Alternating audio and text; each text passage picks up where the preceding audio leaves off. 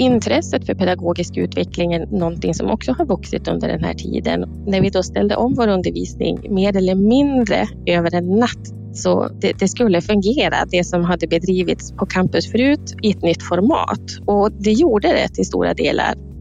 Pandemin är inte helt över än, men den är på tillbakagång. Och campusutbildningar som tillfälligt har bedrivits på distans är nu på väg tillbaka till campus. Men vad kan vi ta med oss från den här tiden? Vilka delar har funkat bra på distans och hur kan de tas tillvara i den fortsatta campusutbildningen?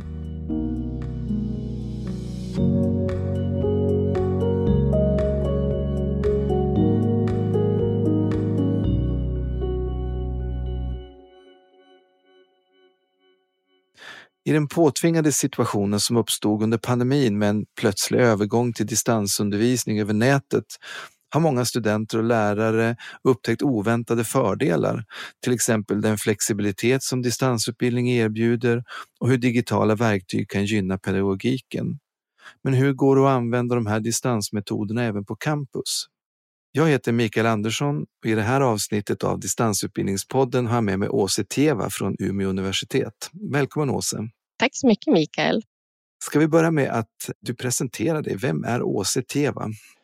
Jag är lektor i högskolepedagogik och pedagogisk utvecklare och har ett särskilt forskningsintresse när det gäller de fysiska lärmiljöerna, studerandeaktiv undervisning och lärande som jag då har arbetat med under ett antal år. Mm. På lärosätena så pratar ju många nu om att nu ska vi gå tillbaka till det normala, men istället för att gå bakåt skulle man ju kunna gå framåt och ta med oss eh, som saker vi har upplevt och lärt oss här under pandemin. Vilken utveckling har du Åse sett under den här pandemitiden? En väldigt tydlig utveckling eh, som man har sett det, som då kopplar just till lärmiljöer, det är det här med att man inte riktigt särskiljer på den fysiska lärmiljön och den digitala onlinemiljön som man kanske gjorde innan pandemin, utan här har man ganska tydligt faktiskt suddat ut gränserna och pratar om en gemensam lärmiljö. Det är en väldigt tydlig trend som, som har framträtt under pandemin. Någonting annat är ju när vi tittar på lärare, eh, deras kompetensutveckling när det gäller den pedagogiska digitala kompetensen har ju tagit jättekliv under pandemin och vi har tvingats använda den här tekniken och som du säger Mikael inledningsvis att nu står vi där på tröskeln och ska få återta vårt campus igen och då återstår ju frågan vad är det nya normala när vi tittar på vår undervisning? Mm. Ja, du ställde ju frågan själv, vad är det nya normala? Ja, någonting som kommer väldigt, väldigt stort när man pratar det är hybrid undervisning, just där man faktiskt då kopplar samman den fysiska lärmiljön med den digitala. Och man pratar om att man då har studenter både på campus men samtidigt online i en digital lärmiljö. Eh, det är väl den stora trenden man ser. Men sen så tror jag att det pågår väldigt mycket diskussioner runt om på lärosäten också. Allt från att bara vi får komma tillbaka och det blir som vanligt, att man då går tillbaka helt till den undervisning man har haft innan. Intresset för pedagogisk utveckling är någonting som också har vuxit under den här tiden och det är nog både från studenthåll och lärarhåll. Um, när vi då ställde om vår undervisning mer eller mindre över en natt där i mars 2020 Eh, så fick vi då egentligen bara, det, det, skulle fungera, det som hade bedrivits på campus förut i ett nytt format. Och det gjorde det till stora delar. Både lärare och studenter är väldigt, väldigt nöjda med den undervisning som har bedrivits. Men i takt med att pandemin kvarstod och, och formatet på distans låg kvar under ganska lång tid så kom också rösten att man säger att ja, men vad, vad är kvaliteten? Nu måste vi börja utveckla vår pedagogik. Och jag tror att lärare nu när vi står på tröskeln tillbaka till campus så kan det finnas en viss matthet eller trötthet. Eh, man har investerat väldigt mycket tid och engagemang och nu ska vi tillbaka och det kommer också att kräva tid och engagemang eh, om man då vill ta med sig de goda erfarenheterna från eh, pandemiundervisningen. Så att egentligen kan man säga att det först blev det en omställning som blev helt över till till distans och nu när, man, nu när det blir en ny förändring så är det liksom en till omställning och inte tillbaka mm. till någonting annat utan ett, ett, tredje läge, så att säga, det här mellanläget. Då. Ja, det skulle jag säga. Mm. Eh, och jag tror att det mellanläget, det, det är väl det som återstår att mejsla fram. Hur kommer det att se ut? För om man då drar det kanske till sin spets så kan man tänka att det är det hybrida formatet när lärare undervisar studenter både på campus och online samtidigt, vilket kommer att ställa Eh, väldiga utmaningar eh, och nya krav på lärarrollen, på studenternas roll, på den undervisning som ska planeras och genomföras och utvärderas i de här miljöerna. Men det kommer också att vara att kanske stanna upp och vara lite eftertänksam och ge dig tid och tänka efter vad har fungerat bra för oss under pandemin? Och där kanske det är just tekniken och det digitala formatet vi ska fundera på. Vilka delar kan vi behålla när vi kommer tillbaka till campus och varför ska vi behålla de här? Mm. Det är en sak som jag tycker definitivt ska gå in i, i det här samtalet. Men först en fråga just om den här den här tiden som har varit. Du använder ordet kompetensutveckling där. Alltså hur har den tekniska och pedagogiska kompetensutvecklingen, hur har den sett ut under den här tiden? Ja, den tekniska utvecklingen, den pedagogiska eh, digitala kompetensen, där har det skett jättemycket och det är för att vi har varit tvungna. Och säga till mitt eget lärosäte och min egen enhet och, som ska stötta lärare i, i deras undervisningsuppdrag så var det ju ett stort, stort kompetensspann eh, för det var lärare som var ganska väl förberedda, som kanske hade arbetat med distansundervisning. Och vi mötte också lärare som nästan inte alls hade varit i kontakt med Zoom, som då är verktyget vi har använt väldigt mycket för eh, våra möten och den undervisning vi har bedrivit. Så det var mm, man kan nog uttrycka det som så att vi har höjt lägsta nivån. Vi har höjt golvet där för vad lärare faktiskt kan när det gäller den digitala kompetensen. Mm. Ja, du var inne på det här att en del av de här digitala verktygen som vi har använt under pandemin skulle kunna användas nu i, inom campusundervisningen också. Kan du ge några exempel på vilka verktyg som du tänker på då? Ja, det första och mest uppenbara som jag nog tänker på det är ju att jag vet att många lärare har ju dels så har man kanske streamat sin liveföreläsning för studenter i det digitala formatet. Men väldigt många lärare har nog spelat in sina föreläsningar då, så i film som studenterna kunnat ta del av. Eh, och det utgör ju då, skulle kunna utgöra basen i det vi pratar om, det flippade klassrummet. Eh, när vi kommer tillbaka till campus där lärare kan eh, ta tillvara på den tid de faktiskt har lagt ner på sina inspelningar.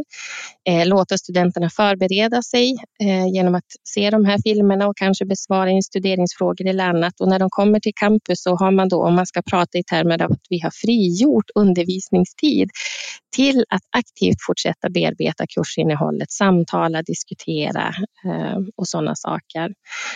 Sen så kan jag nog fortsätta om jag tittar på det här med teknik. Jag tror att vi kommer att få, eftersom jag har arbetat väldigt mycket just när det gäller studerandeaktiva undervisningsformer, så har man mött lärare då som säger att ja, det, jag tycker det här verkar jätteintressant och låter jättebra, men jag undervisar studentgrupper på mellan 80 och 150 stycken. Jag, jag har inte möjlighet att arbeta studerandeaktivt. Och där tror jag att tekniken kommer att bli till stor, stor hjälp, för där kan man använda teknik Eh, för att komma åt de här sakerna man kanske inte kan göra i sal. Det finns inte skrivyta eh, för alla studenter om du har 150 stycken. Men genom att då titta på tekniken så kan man ju faktiskt använda samma pedagogiska tanke men med tekniska hjälpmedel.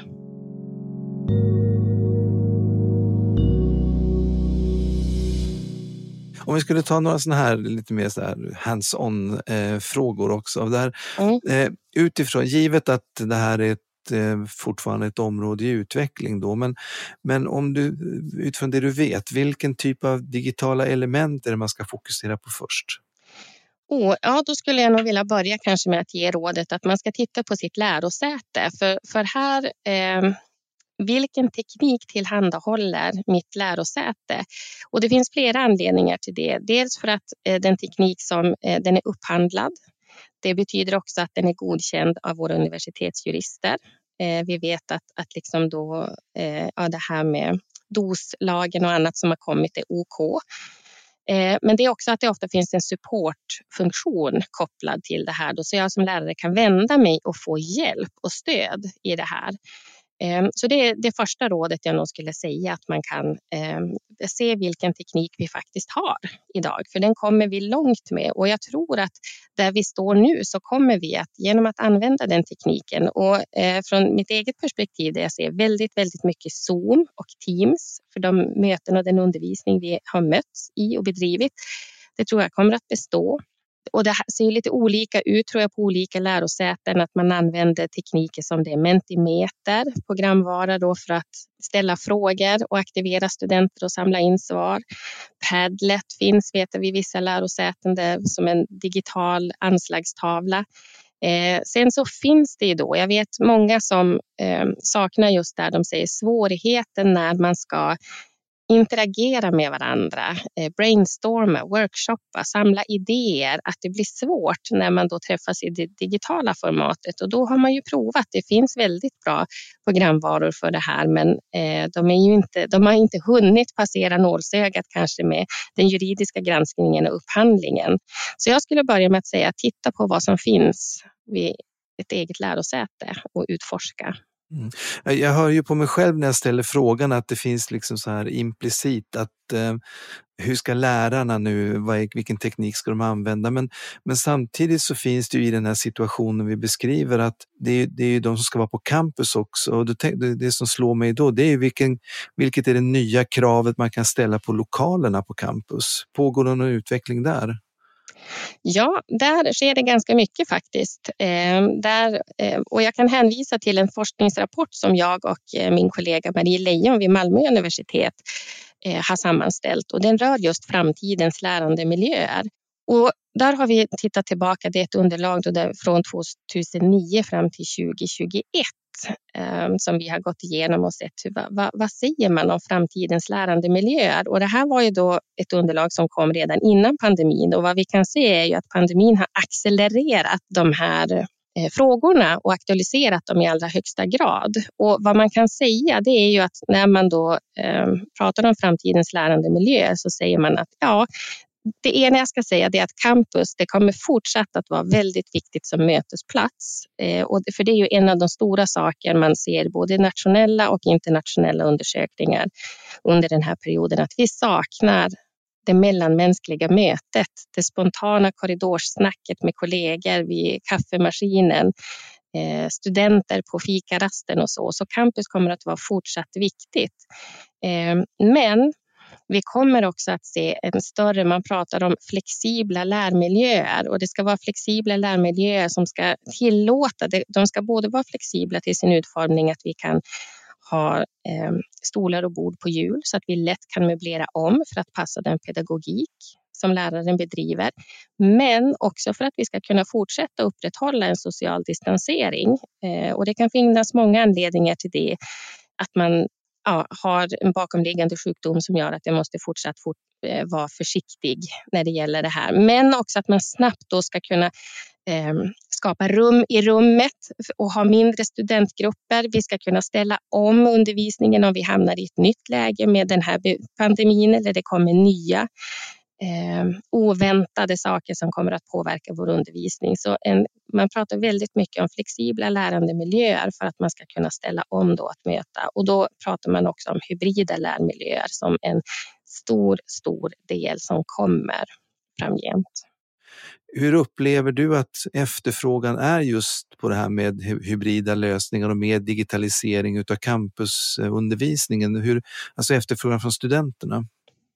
Ja, jag skulle säga att den är ganska stor faktiskt. Eh, och jag kommer precis från eh, en workshopserie som vi har inlett där vi tittar på att eh, renovera och rusta upp några av våra egna lokaler här vid Umeå universitet. Och där är det både lärare och studenter som är involverade. Och jag ska säga att det är lika starka röster från lärarhåll som från studenthåll, men att det ska finnas tillgång till teknik. Man säger att det måste finnas möjlighet att kunna eh, sända ut min föreläsning eller undervisning. Och från studenthåll säger man att ja, men det är viktigt att den här möjligheten finns. Eh, och man lyfter ofta det här perspektivet att ja, men det har varit en fördel att jag kan ta del av. Är jag lite förkyld och inte kan komma in, ja, men då finns möjligheten att jag kan ta del och inte känna att jag faktiskt missar något. Så jag skulle säga att det är ganska starka röster. Mm. Nu när vi har sett det här utvecklas, kan det vara så att man även ser att det finns så att säga, metodfördelar, att vissa lär sig bättre och att vissa lärare kanske känner att ja, men nu, nu kan jag liksom ta ett steg till i min undervisning här? Det tror jag absolut man kan se, för lärare har fått upp ögonen för eh, möjligheten med teknik Eh, att använda den i sin undervisning för att stötta sina studenters lärande. Och det kan handla allt om från att aktivera mina studenter till att man faktiskt hjälper studenterna att synliggöra och sätta ord på sin förståelse så att jag har möjlighet att ge dem feedback där och då när den behövs. Så det tror jag är en stor fördel vi kommer att ta med oss tillbaka till campus, eh, återgången till campus. Eh, när det gäller den digitala undervisningen så är det ju de som har arbetat med det under många år eh, är väldigt kompetenta och har mycket kunskap eh, där. Så där tror jag att de, de låg i framkant i den här utvecklingen. Så det är nog snarare så att vi, vi som är i huvudsak campusbaserade kan lära mycket från deras erfarenheter. Lång erfarenhet ska vi säga av det här sättet att undervisa. Och sen så kommer då slutligen också kanske det vi, som är ganska nytt för de flesta, det här med hybridundervisning. Ehm, och där återstår det nog att se eh, just när man tänker att är det lärande, kommer bidrar det här på något sätt till att vi förstärker och förbättrar våra studenters lärande? Det vet vi nog inte i dagsläget, utan där måste det mer forskning för att vi ska kunna uttala oss något om studenters lärande. Däremot så är det ju fördelar man lyfter om att det ökar flexibiliteten, tillgängligheten och så vidare.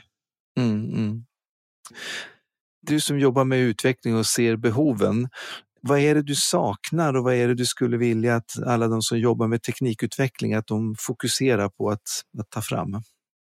Oh, ja, där har jag en önskelista. Jag, jag skulle vilja eh, dels att det är teknik som är tillgänglig. Den ska vara intuitiv, den ska vara enkel att använda. Jag ska inte behöva läsa egentligen en lång, lång manual eller gå flera kurser för att kunna använda den, utan den ska vara ganska lättillgänglig. För lärare har brist på tid eh, och varje ny programvara som man måste lära sig, ja, det tar tid från tid man egentligen inte har och den ska möta lärares och studenters behov. Eh, för teknikutvecklare kan många gånger, de ligger så otroligt i framkant inom sitt område, sin profession, så, så de kan lägga in så otroligt många häftiga funktioner som jag tror att lärare och studenter inte alls har behov av. Eh, så att man utvecklar det här i samråd eh, faktiskt med de som bedriver undervisning. Och när det gäller funktioner så skulle jag nog gärna se att det kommer fler programvaror som underlättar samarbetet eh, online. Och det kan vara om man har alla sina studenter online. Bara det här i sal, då kan jag samla alla studenter runt en whiteboard och det är väldigt enkelt. Vi skriver med olika färger, alla kan bidra, vi, vi pekar och ser vad vi menar. Eh, och det finns verktyg. Många lärare tycker att de är lite klumpiga, att de fungerar inte så bra om jag har många studenter som skriver. Så där skulle jag gärna vilja se fler programvaror som kunde stödja funktionen att man går runt. Och det blir nog ännu viktigare när vi kommer att ha både studenter i sal och eh, online. Eh, hur ska de kunna samarbeta på ett sätt som känns eh, naturligt och intuitivt och eh, stödjer att vi har kollaborativa arbetssätt? Mm teknikanvändning innebär ju ibland att man måste ja, tweaka, om man säger så, funktionerna för att de ska passa bäst i den situationen som man ändå har. Mm.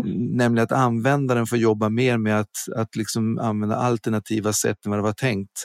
Men hur ser du nu att den teknik som, som erbjuds, upphandlas och utvecklas tar man hänsyn till det här nya som växer fram just med blandformer och så vidare? Eller är det, eller är det mer av det gamla vanliga som ska försöka användas in i en ny situation?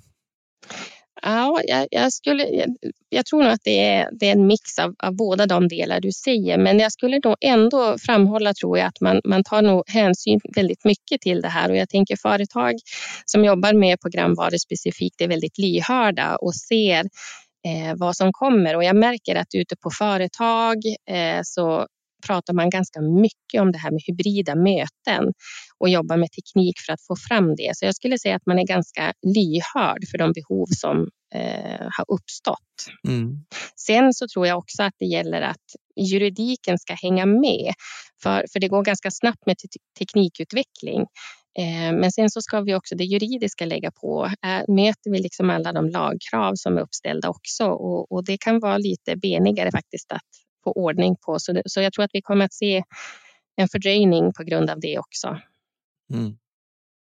Vi ska återkomma igen när, när du och dina kollegor vet lite mer om det här med, med hybridutbildning eh, och så vidare. Men, men ändå så känns det som att det, det finns god förhoppning om att eh, framtiden är ljus när vi går, vi går ur den här pandemin i alla fall. Så vi får tacka dig så jättemycket Åse Teva för att du var med på det här avsnittet av Distansutbildningspodden. Tack så mycket. Och tack till dig som har lyssnat också. Jag heter Mikael Andersson och Distansutbildningspodden är en podd ifrån Universitets och högskolerådet.